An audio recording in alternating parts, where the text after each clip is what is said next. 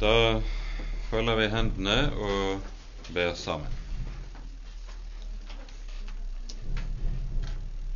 Kjære gode Herre, hellige Gud og Far.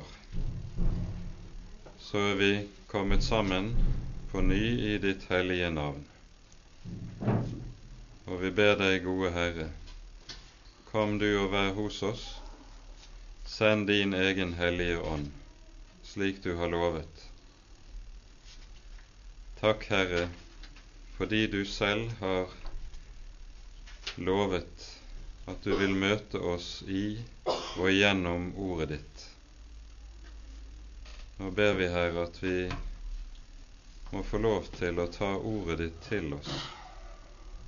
Ta det til oss slik at ordet ditt også kan få gjøre den gjerning du hadde tenkt, så vi kan lære deg å kjenne og vandre rett med deg her i verden, at vi også må nå frem til målet i ditt fullkomne rike. Det ber vi i Jesu navn. Amen.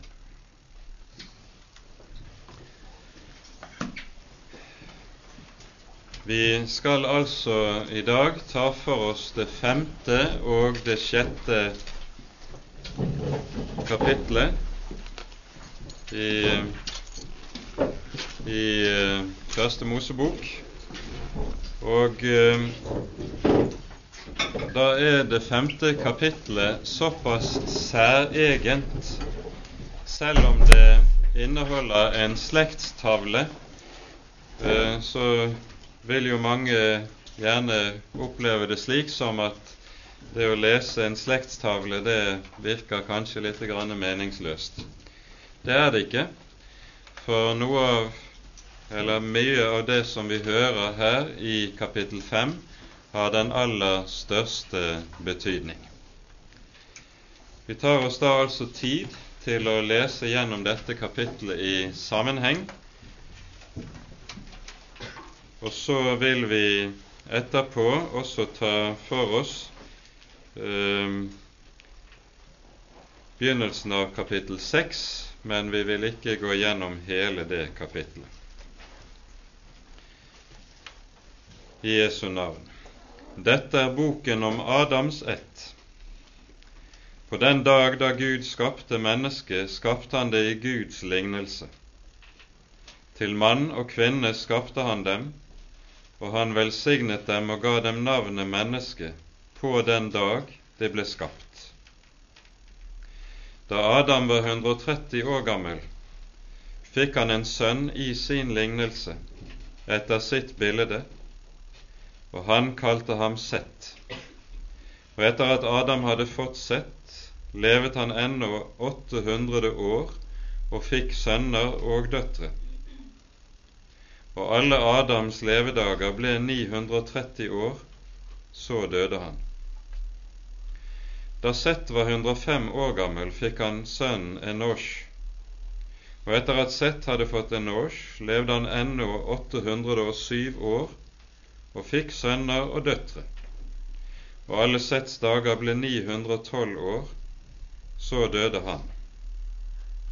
Da Enosh var 90 år gammel, fikk han sønnen Kenan. Og etter at Enosh hadde fått Kenan, levde han ennå 815 år og fikk sønner og døtre. Og alle Enoshs dager ble 905 år, så døde han. Da Kenan var 70 år gammel, fikk han sønnen Mahalel. Og etter at Kenan hadde fått Mahalel, levde han ennå 840 år og fikk sønner og døtre. Og alle Kenans dager ble 910 år, så døde han. Da Mahalel var 65 år gammel, fikk han sønnen Jared. Og etter at Mahalel hadde fått Jared, levde han ennå 830 år og fikk sønner og døtre. Og alle Mahalels dager ble 895 år, så døde han. Da Jared var 162 år gammel, fikk han sønnen Enok. Og etter at Jared hadde fått Enok, levet han ennå 800 år og fikk sønner og døtre. og alle Jareds dager ble 962 år, så døde han. Da Enok var 65 år gammel, fikk han sønnen Metusala. Og Enok vandret med Gud i 300 år etter at han hadde fått Metusala. Han fikk sønner og døtre, og alle Enoks dager ble 365 år. Og Enok vandret med Gud. Så ble han borte, for Gud tok ham til seg. Da Metusala var 187 år gammel, fikk han sønnen Lamek. Og etter at Metusala hadde fått Lamek, levde han ennå 782 år og fikk sønner og døtre. Og alle Metusalas dager ble 969 år, så døde han. Da Lamek var 182 år gammel, fikk han en sønn, og han kalte ham Noah og sa:" Han skal trøste oss under vårt arbeid og våre henders møye på den jord som Herren har forbannet. Og etter at Lamek hadde fått Noah, levde han ennå 595 år og fikk sønner og døtre. Og alle Lameks dager ble 777 år, så døde han. Da Noah var 500 år gammel, fikk han sønnen, sønnene Sem, Kam og Jafet. Dette kapitlet som vi her har lest, det omhandler altså Adams sønn Sets etter tavle. Vi hører om Sett allerede i det foregående kapittel fire i de to siste versene. Sett er nemlig den sønn som Adam får i stedet for Abel, som blir slått i hjel av Kain. Og så er saken nå den at fra disse to Adams sønner har vi to slektslinjer som så regnes opp. I kapittel fire hører vi Kains slektslinje omtales, og hva som kjennetegner denne. Og her i kapittel fem hører vi altså om Sets slektslinje og hva som kjennetegner den. Og Det som nå er hovedpoenget med disse to slektslinjer, det er at de representerer hver sin åndelige arv. I Kain møter vi Kains egen ånd, som ytrer seg i det vi ofte kaller for verdens sinne. Dommen over Kain den eh, det handler jo om det at Kain ikke vil bekjenne sin synd, ikke vil gjøre opp for det han har gjort. Han vender seg konsekvent fra Herren når Herren kaller på ham. Og denne Kains forherdelse løper gjennom ulike stadier inntil han kommer dit hen som vi hører om i vers 16 i kapittel 4. Så gikk Kain bort fra Herrens åsyn og bosatte seg i landet Nodd, øst for Eden. Og Da er hele poenget her at Kain nå forlater Herren for godt og etablerer seg her i verden, borte fra Gud, og bygger en kultur, bygger et liv atskilt fra Gud, i landflyktighet fra Gud. Og Når vi så hører om Kains slektslinje i de følgende vers, så hører vi her bare om syv ledd som følger på hverandre. I disse ledd så nevnes bare ganske kortfattet de trekk som karakteriserer Kains slekt. Og det er nettopp dette at Kain etablerer et liv, en kultur, her i verden borte fra Gud. Det motsatte er det vi hører i Sets slektslinje. Allerede i det siste verset i kapittel 4 hører vi hva det er som er det grunnleggende kjennetegnet på Sets slektslinje. Sett fikk en sønn og kalte ham en norsk. På den tid begynte de å påkalle Herrens navn. Og Her menes det altså ikke med dette uttrykket bare at de begynte å be, for det er noe som de helt det gir seg selv ut fra det vi også hører tidligere, det har de gjort tidligere.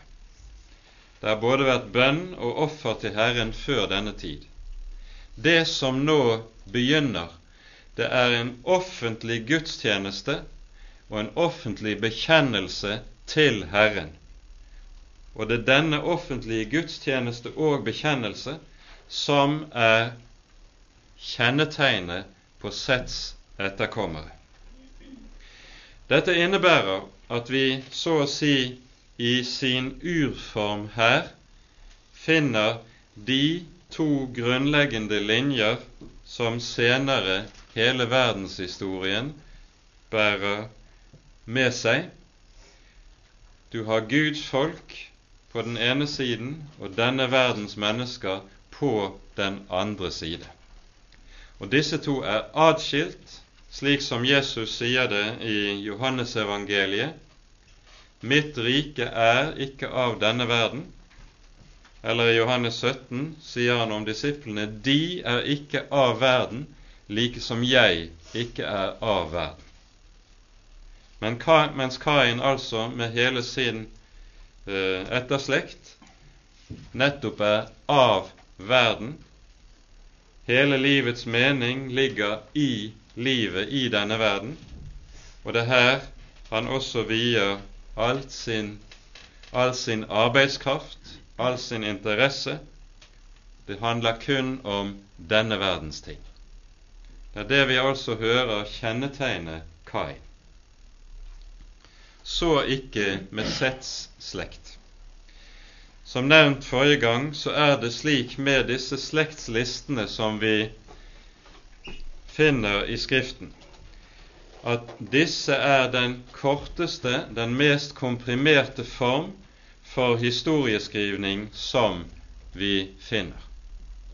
Og det er alltid slik at disse gjerne stanser opp ved enkeltpersoner.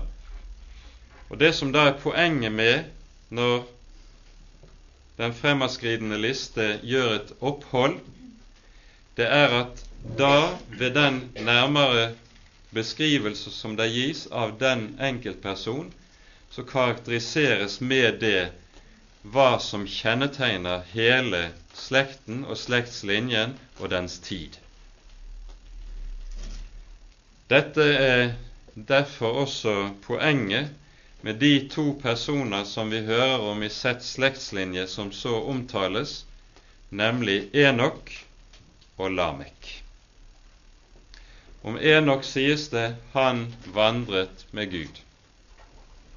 Og Lamek, han får sønnen Noah og gir ham navnet av en helt bestemt grunn. Noah er den som skal trøste oss i vår elendighet her i verden. Vi kommer tilbake til dette. Før vi imidlertid ser nærmere på det, så må vi si noen ord om de tre første versene her i kapittel 5. For her sies det noen helt grunnleggende ting om det falne mennesket, om hva som kjennetegner mennesket etter at det er falt i synd og er vist ut av Edens hage. Først hører vi i vers 1 og 2 en kort sammenfatning av skapelsen av mennesket. Gud skapte mennesket i sitt bilde. I sin lignelse skapte han det. Til mann og kvinne skapte han dem, leser vi i kapittel 1. Men så kommer i vers 3 Da Adam var 130 år gammel, fikk han en sønn i sin lignelse og etter sitt bilde. Og dette skal vi merke oss, for svarene til dette taler Skriften nå senere om at hvert menneske som fødes, er født med Adams bilde. Dette innebærer helt konkret at Guds bilde på fundamental vis er skadet. I en viss forstand må vi også kunne si Guds bilde er ødelagt. Dette understreker Det nye testamentet meget sterkt i flere sammenhenger. Og vi skal se på et par ord som sier litt om det. Først i 1. Korinterbrev, kapittel 15.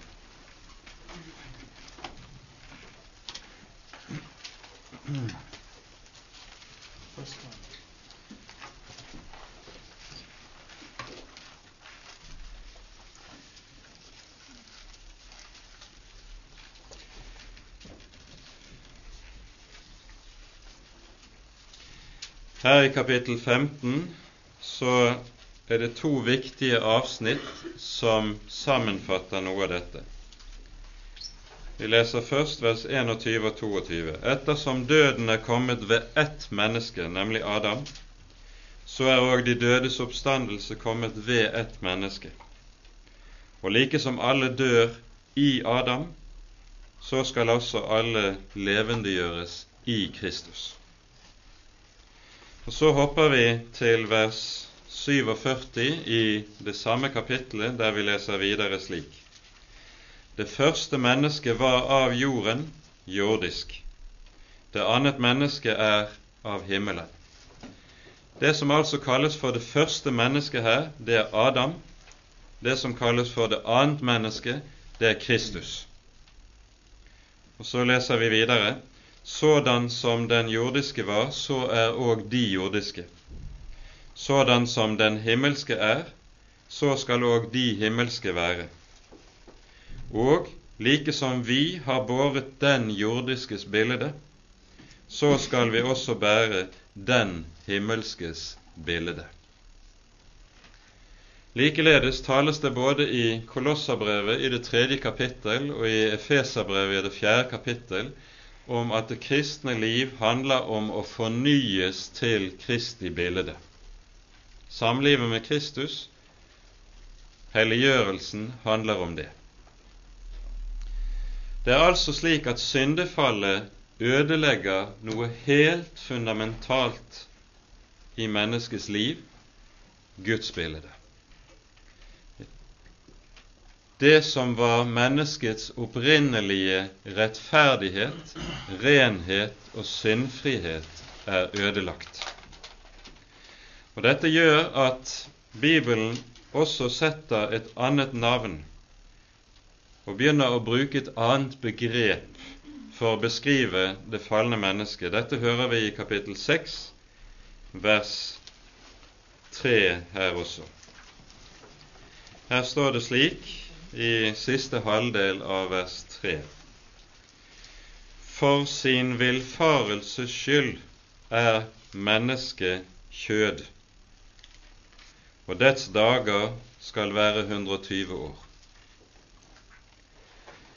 Fra denne tid av så kalles altså det falne mennesket for kjød. Og dette er en betegnelse som er uhyre sentral i Bibelens beskrivelse av hvem det falne mennesket er.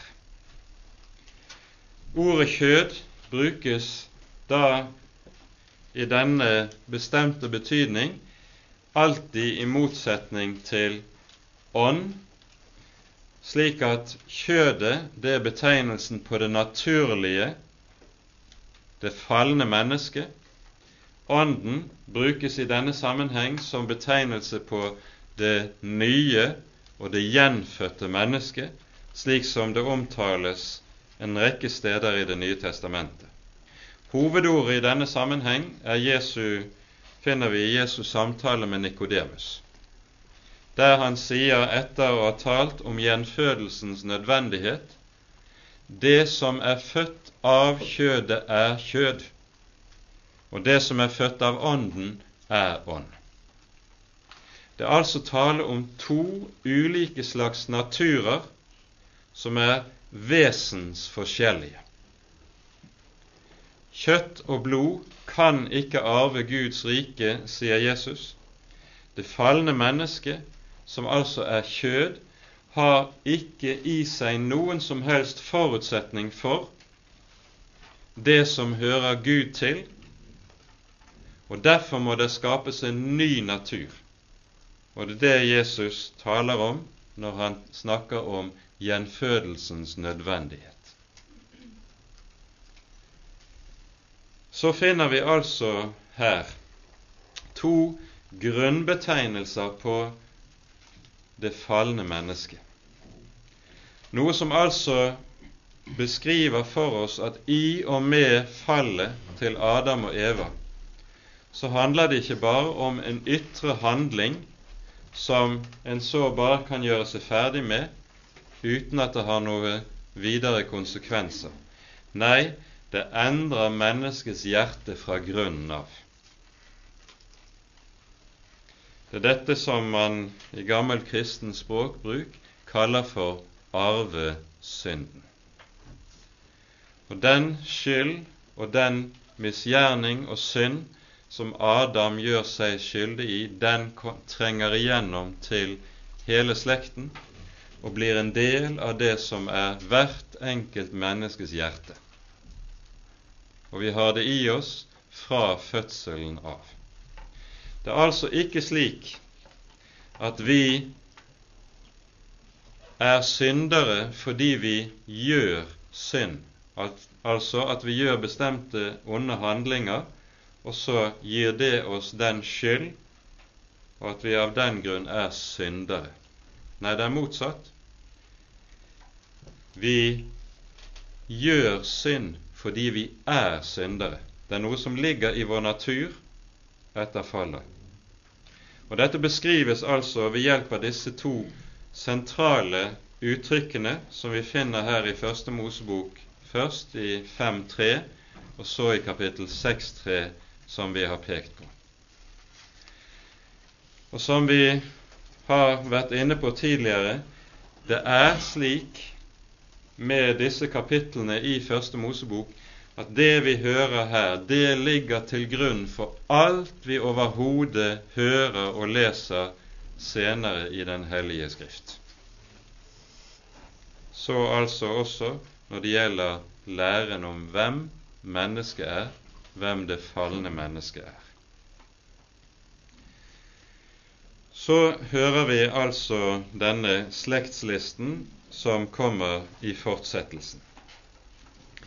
Når vi leser denne i sammenheng parallelt med det vi eh, leser i kapittel 4 av Kains slektsliste, så er det ganske iøynefallende at det er flere ulike trekk som skiller disse to slektslistene.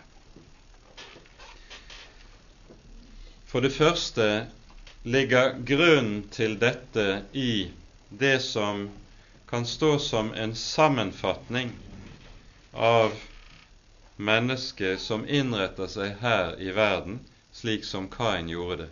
I Efesane 2,12 står det slik De er uten Gud og uten håp i verden. Derfor er det også slik at vi hører ikke det stadige omkvedet i kapittel 4 etter hvert enkelt ledd, så døde han. Det sies heller ingenting om levealderen til de forskjellige i Kains etterslekt. Og slik er det, for her er det tale om en slekt som er uten håp, fordi de er uten Gud i verden. Motsatt er det slik at i Sets etterslekt så er denne slekt den slekt som nettopp er bærere av håpet. Det er et håp de har fått med seg fra Herren allerede på syndefallets dag, og som er knyttet til løftet i 3.15 Kvinnens ett skal knuse slangens hode. Det er dette håp som så å si er grunnstammen i den gudstjeneste og det gudsliv som ytrer seg i Sets etterslekt. Og Derfor hører vi også i Sets slekt at dette er en slekt som vandrer i tro. To personer trekkes frem spesielt. Den ene er Enok, den andre er Noah.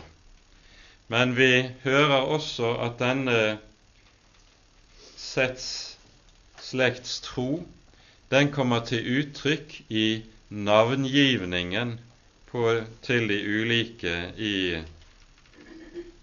denne slektsrekken. For eksempel Mahalalel.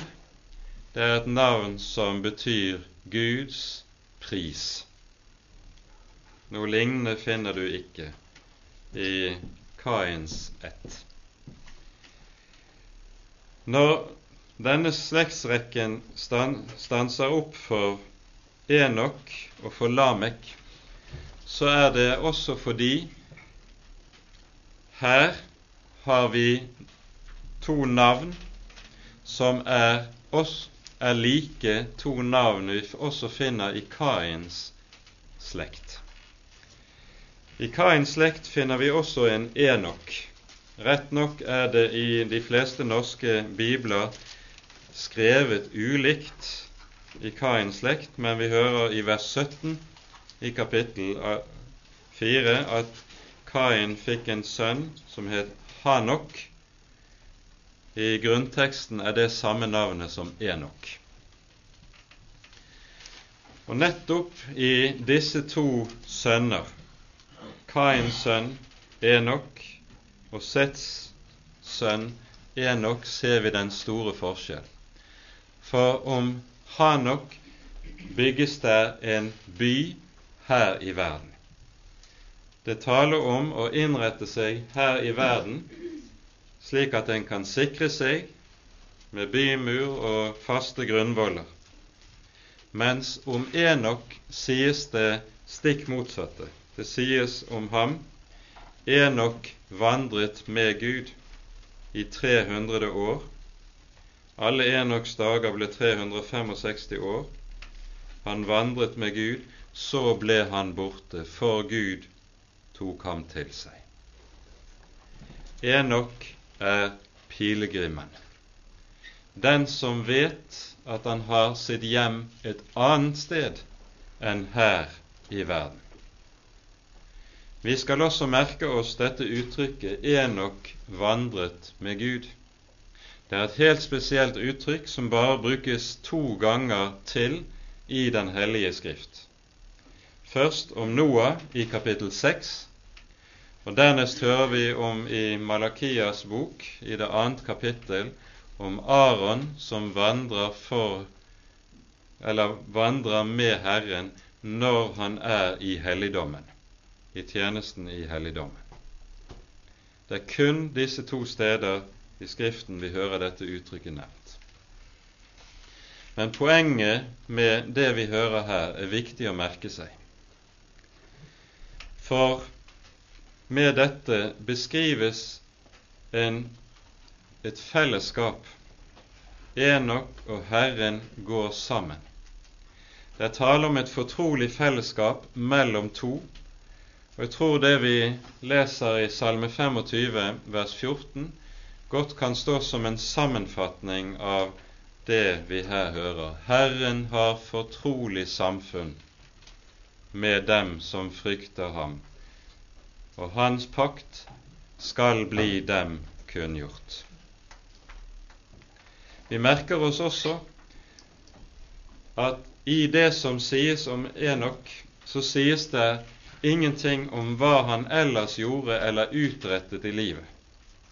Det sies intet om hva han gjorde verken av godt eller ondt. For det er ikke det som er saken.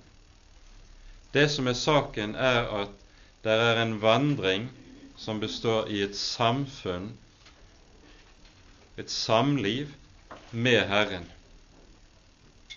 Og så blir Enok et forbilde på hva det vil si å vandre med og leve med Herren. Enok blir borte, sies det. Han dør altså ikke som alle de øvrige i hans tid og alle mennesker for øvrig. Han blir tatt direkte opp til Gud. I dette ligger det et uhyre viktig forbilde. For når Enok blir tatt opp, så skjer det ganske få år etter at Adam er død. Det vil du se om du finleser tidsangivelsene og årangivelsene i eh, denne slektstavlen. Og med det kunngjør Herren meget tydelig hva håpet dreier seg om. Han som skal knuse slangens hode, han er den som også skal tilintetgjøre døden. Og så blir Enok det store forbildet på hva som skal skje når Jesus kommer igjen. Vi leser i 1. Korinterbrev kapittel 15, vers 51 og 52. Se, jeg sier dere en hemmelighet. Vi skal ikke alle hensove, men vi skal alle forvandles i ett nå i ett øyeblikk ved den siste basun. For basunen skal lyde, og de døde skal oppstå uforgjengelig, og vi skal forvandles. De som altså enda lever når Jesus kommer tilbake, de skal ikke dø, men tas opp og oppleve den store forvandlingen like som Enok, og i dette er han et forbilde for oss. Den annen som det altså stanses opp for her i denne slektslisten, det er Lamek. Vi hører også om Lamek i Kains slektsliste. Og Det som kjennetegner La, Kains sønn Lamek, det er noe ganske annet enn det du hører hos Sets etterkommer.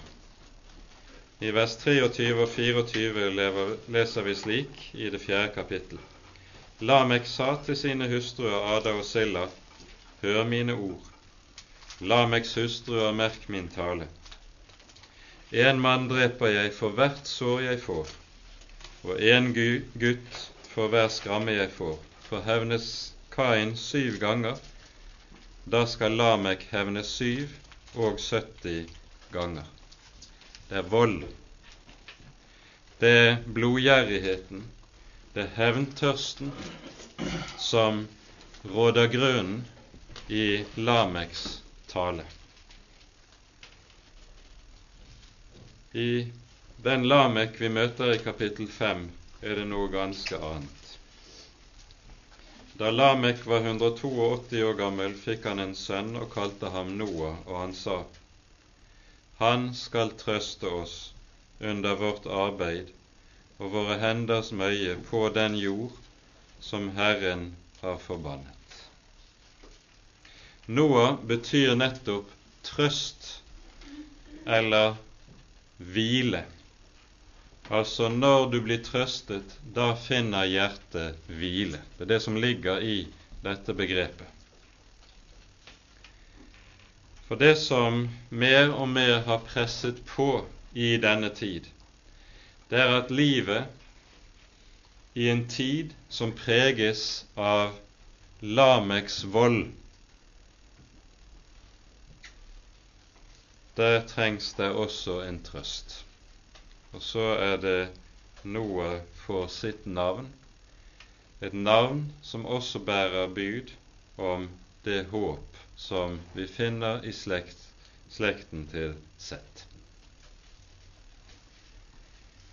Det er mange som har spurt seg selv om den lange levealder som vi hører om i denne perioden. Vi skal ikke si meget om det, bare ganske kort understreke at for det første disse årstall og lange perioder som det taler om her, de er bokstavelig ment slik som de står i Bibelens tekst. De skal ikke leses som bilde på kortere perioder. Bibelens språk det peker klart i retning at det er en så lang levealder i, med år i betydningen våre år. Og Så blir jo da spørsmålet hvordan er noe slikt mulig? Det har flere grunner. For det første henger det sammen med at det er så kort tid siden livet i Edens hage. Og meget av den livskraft som gjorde seg gjeldende i Edens hage, den gjør seg så å si fortsatt gjeldende blant menneskene. Videre så har nok også naturforholdene i verden før syndfloden vært grunnleggende annerledes enn de kom til å bli etter syndfloden.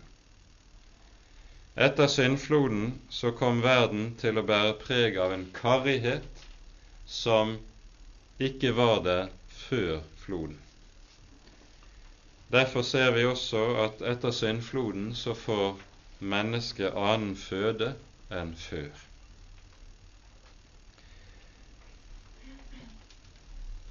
Vi skal altså lese teksten her slik at det er ment som år i ordets mest bokstavelige forstand.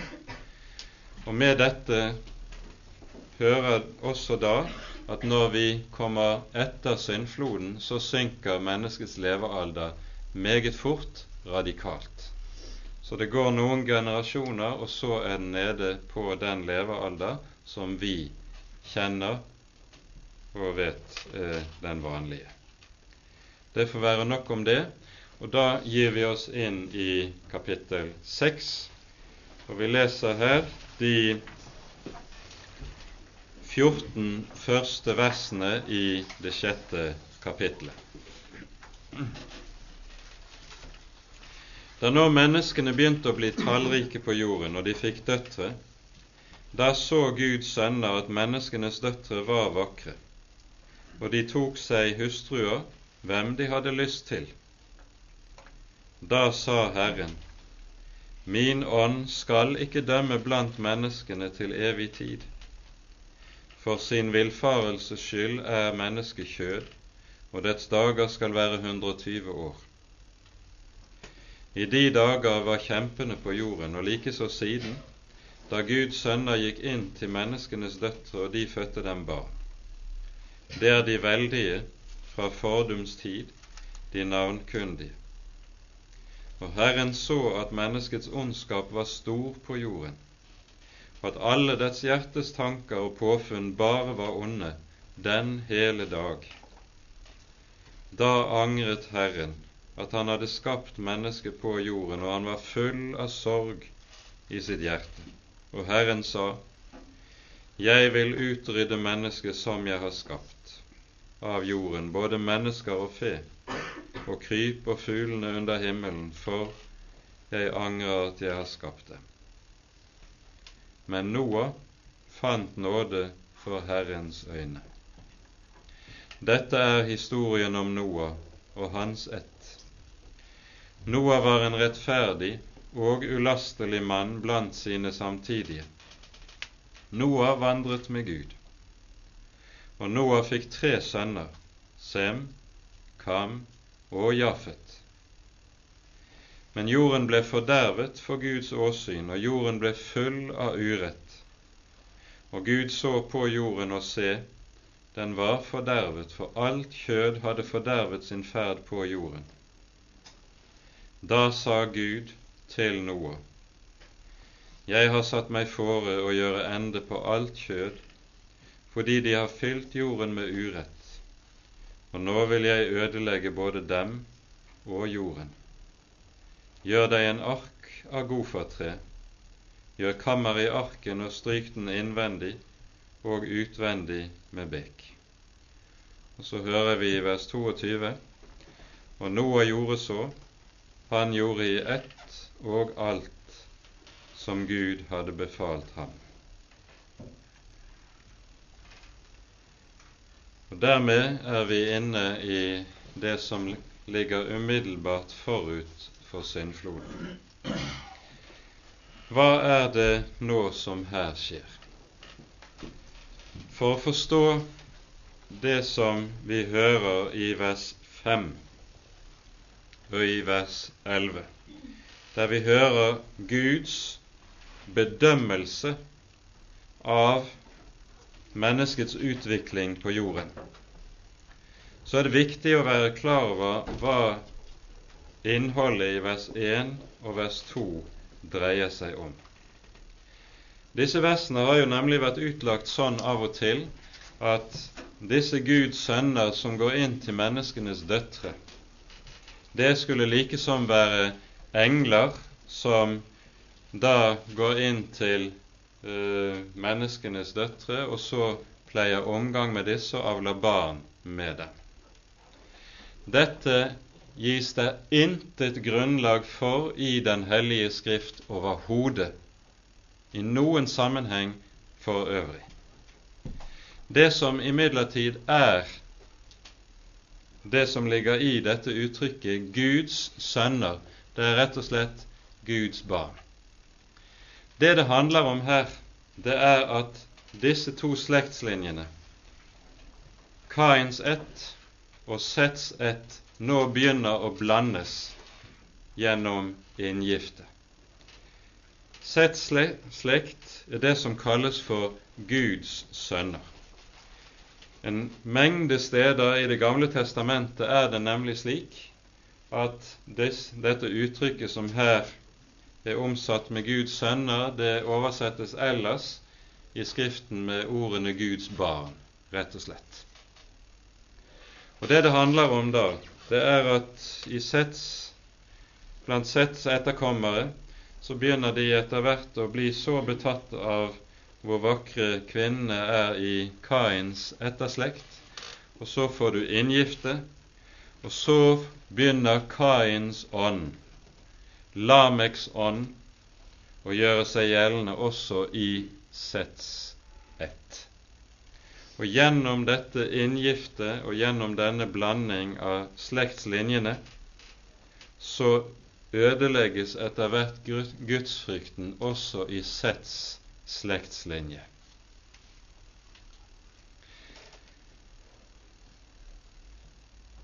I Første Mosebok 1.3 så hører vi at når Gud har skapt lyset Det blir lys, og det ble lys, står det, og så kommer det i fortsettelsen. Og Gud skilte lyset fra mørket.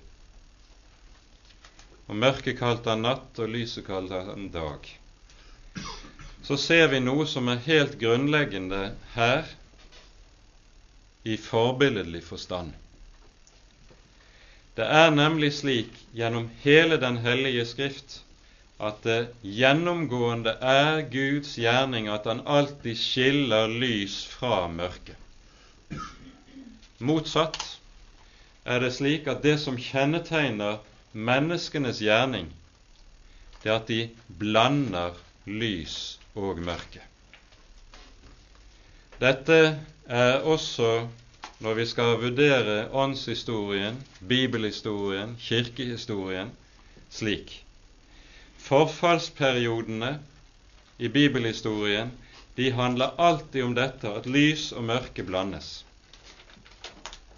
Fornyelsestidene i bibelhistorien dreier seg alltid om at lys og mørke på ny adskilles. Han som er Herre, kommer og setter skille. Og Da handler det ikke bare om, sånn som vi hører om her i kapittel 4 og 5, at det skal være et skille mellom Guds rike og verden, men det gjelder på alle åndens områder overhodet. Ikke minst skille mellom løgn og sannhet, som er helt avgjørende blir opprettholdt. Der løgn og sannhet blandes, der lys og mørke blandes, der kommer alltid forførelsen til å få rom. Det er altså noe av dette som nå skjer i det Sets slekt gifter seg inn i Kains etterslekt. Lys og mørke begynner å blandes. Og Her er vi inne i noe som kommer til senere i Bibelen å bli av uhyre stor betydning. I 5. Mosebok i det syvende kapittel, når Israel skal gå inn i det lovede land, så hører vi at Herren på det sterkeste advarer folket mot svogerskap med kananittene.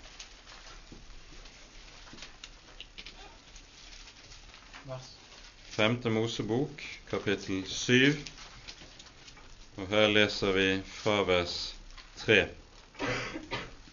Du skal ikke inngå svogerskap med dem. Du skal ikke gi dine døtre til hans sønner, og ikke ta hans døtre til hustruer for dine sønner, for de vil få dine sønner til å vike av fra meg, så de dyrker andre guder, og da vil Herrens vrede opptennes mot dere, og han vil hastig gjøre ende på deg. Når vi så kommer inn i dommertiden i Israel, så hører vi at det nettopp er noe av dette Israel forsynder seg mot. Og ved det så får kananittenes ånd overhånd over og rom i Guds folk Israel. Der er nødvendig at et slikt skille opprettholdes. Og Derfor advarer også Bibelen oss klart mot at en kristen skal gifte seg med en som ikke har troen. Dette her skal vi være nøye på. Dette sies ikke ofte i våre dager, men nettopp av den grunn må det desto klarere understrekes. Det som skjedde i Noas dager, er altså at Kains ånd trenger inn i Sets slekt. Og så kommer forfallet så kommer verdsligheten, så kommer ondskapen, som råder grunnen i Kains etterslekt til mer og mer å få rom, også i Guds hus, i Sets hus, inntil Herren til slutt må si altså, og Herren så at menneskets ondskap var stor på jorden, og at alle deres hjerters tanker og påfunn bare var onde den hele dag. Uh, uttrykket som brukes i vers 11, 'jorden ble fordervet for Guds åsyn', og 'jorden ble full av urett', der er det slik at uttrykket som brukes i grunnteksten for urett, det betyr egentlig vold. Det er Lameks ånd som gjør seg gjeldende. Det hebraiske ordet for dette, det er Hamas, som det jo er en bevegelse som heter nede i dagens Palestina. Og det er ironisk at den nettopp bærer dette navnet. For om dette ordet betyr noe annet på arabisk, så betyr det altså på hebraisk nettopp vold. Og det er betegnelsen på grov vold.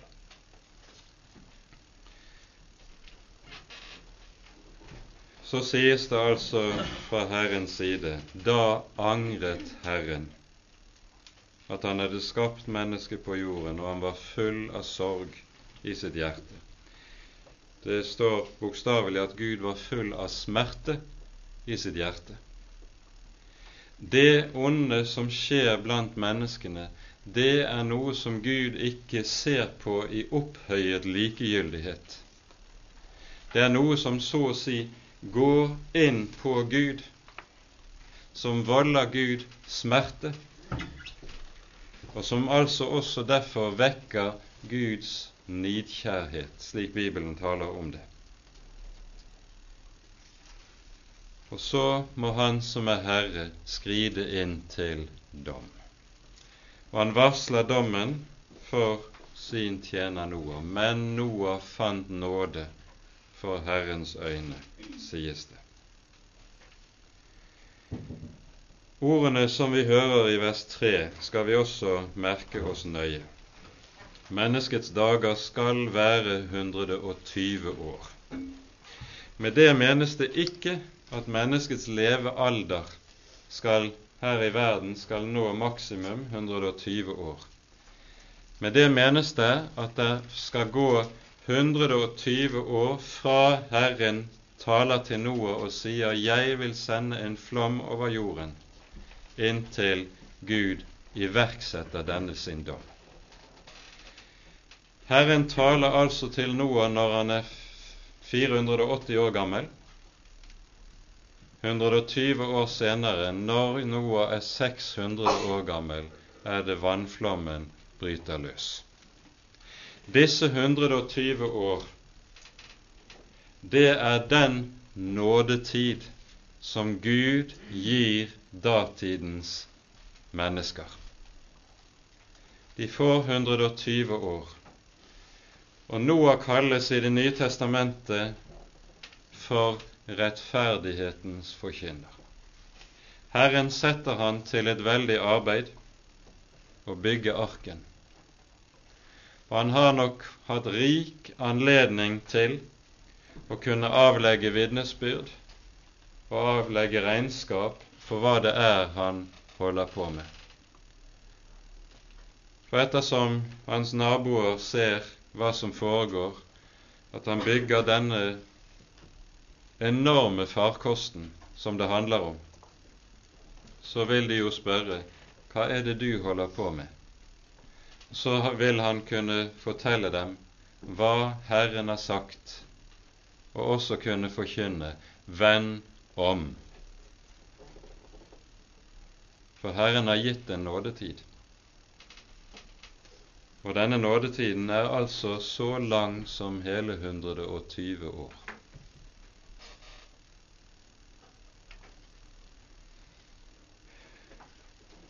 Når Herren nå til slutt altså både varsler floden og så til sist også setter den i verk, så sier det oss noe grunnleggende om hvem Gud er.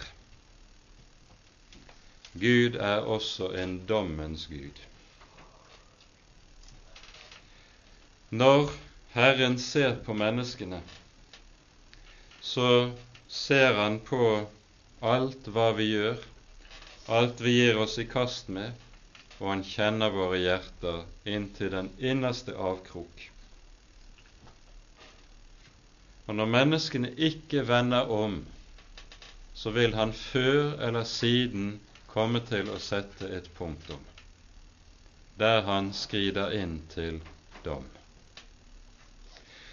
Og Av denne grunn er det også slik at det vi hører her om Noah og syndfloden som kommer, det tjener i Det nye testamentet som det store, det grunnleggende forbildet på den endelige dom som en dag skal ramme vår verden.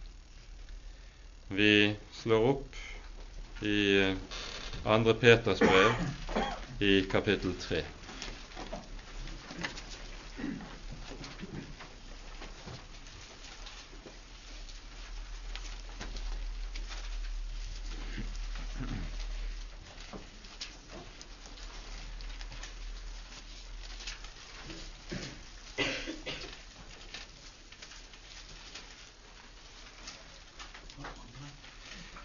Andre Peters brev, kapittel 3, og vi leser fra vers 5.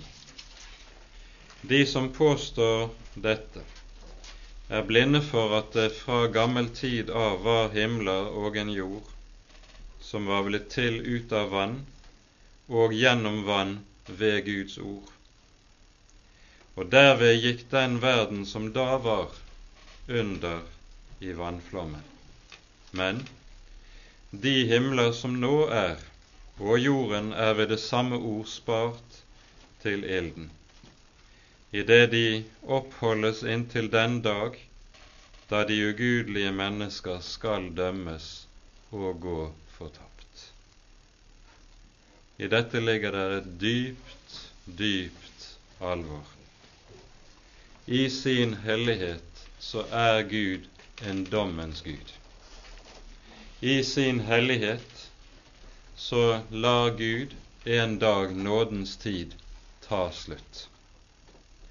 Det er en eneste grunn til at nådetiden enda ikke har tatt slutt. Det er det vi hører i vers 9 i dette kapittelet. Herren er ikke sen med løftet, således som noen regner det for senhet, men han har langmodighet med dere, da han ikke vil at noen skal gå fortapt, men at alle skal komme til omvendelse. Han har altså sørget for at ordet, ordet fra hans munn, skal lyde inn også i vår slekt. Hvor lenge vår nådetid vil vare, vet vi ikke.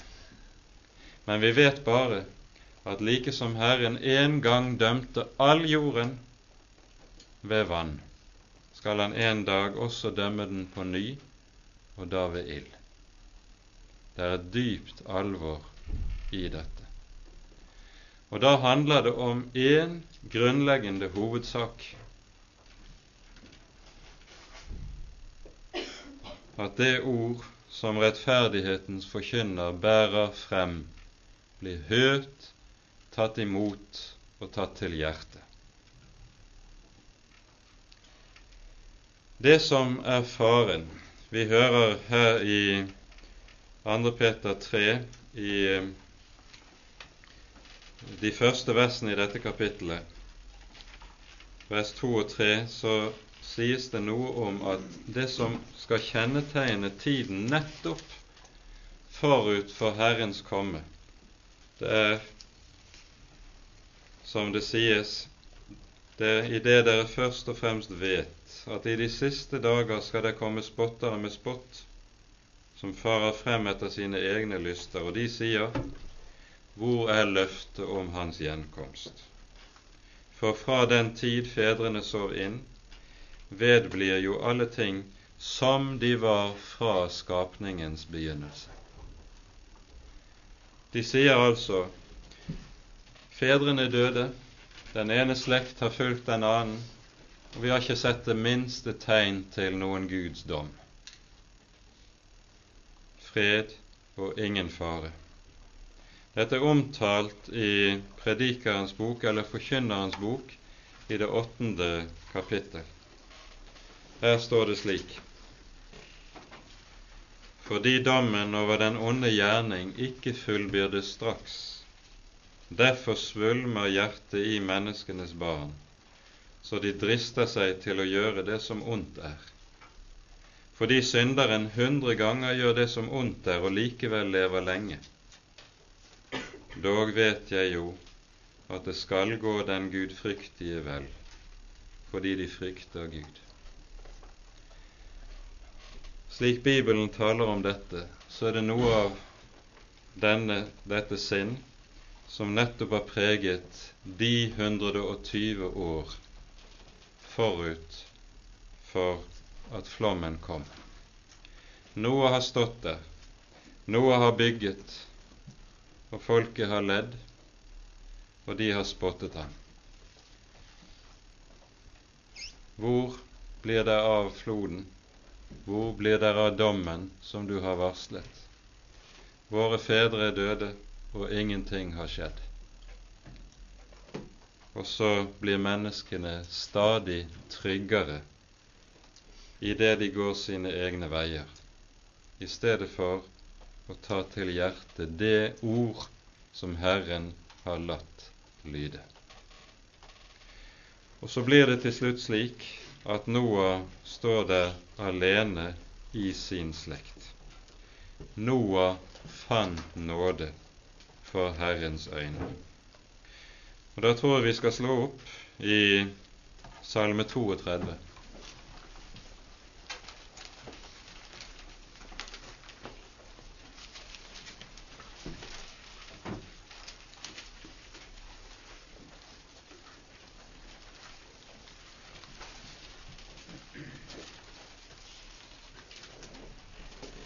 Her står det slik i vers 6.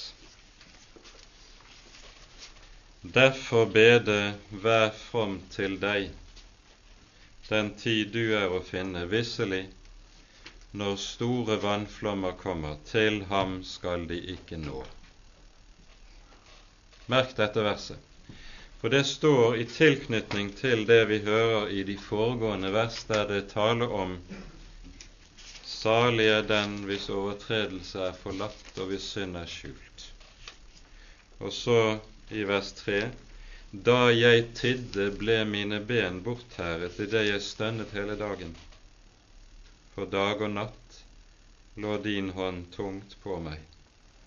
Min livssaft svant som ved sommerens tørke. Jeg bekjente min synd for deg og skjulte ikke min skyld. Jeg sa, Jeg vil bekjenne mine misgjerninger for Herren, og du tok bort min syndeskyld.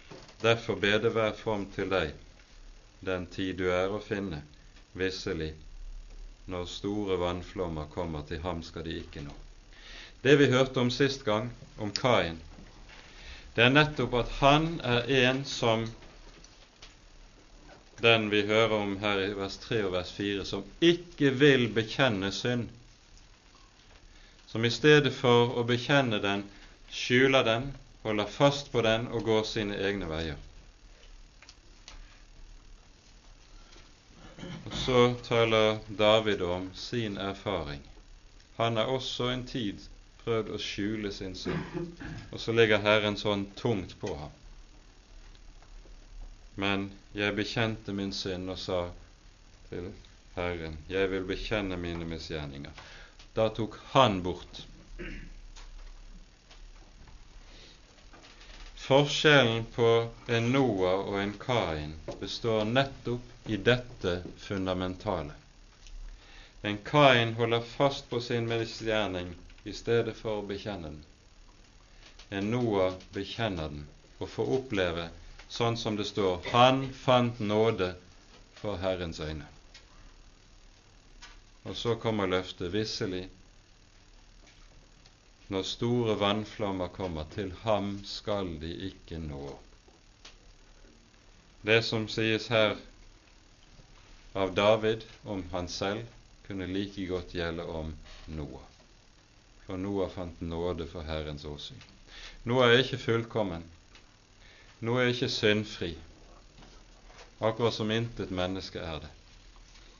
Men han er en som finner nåde for Herren, fordi han i stedet for å gå og bære på sin synd og skjule sin synd, så legger han det åpent frem i dagen for Herren. Og da gjør han det under et løfte.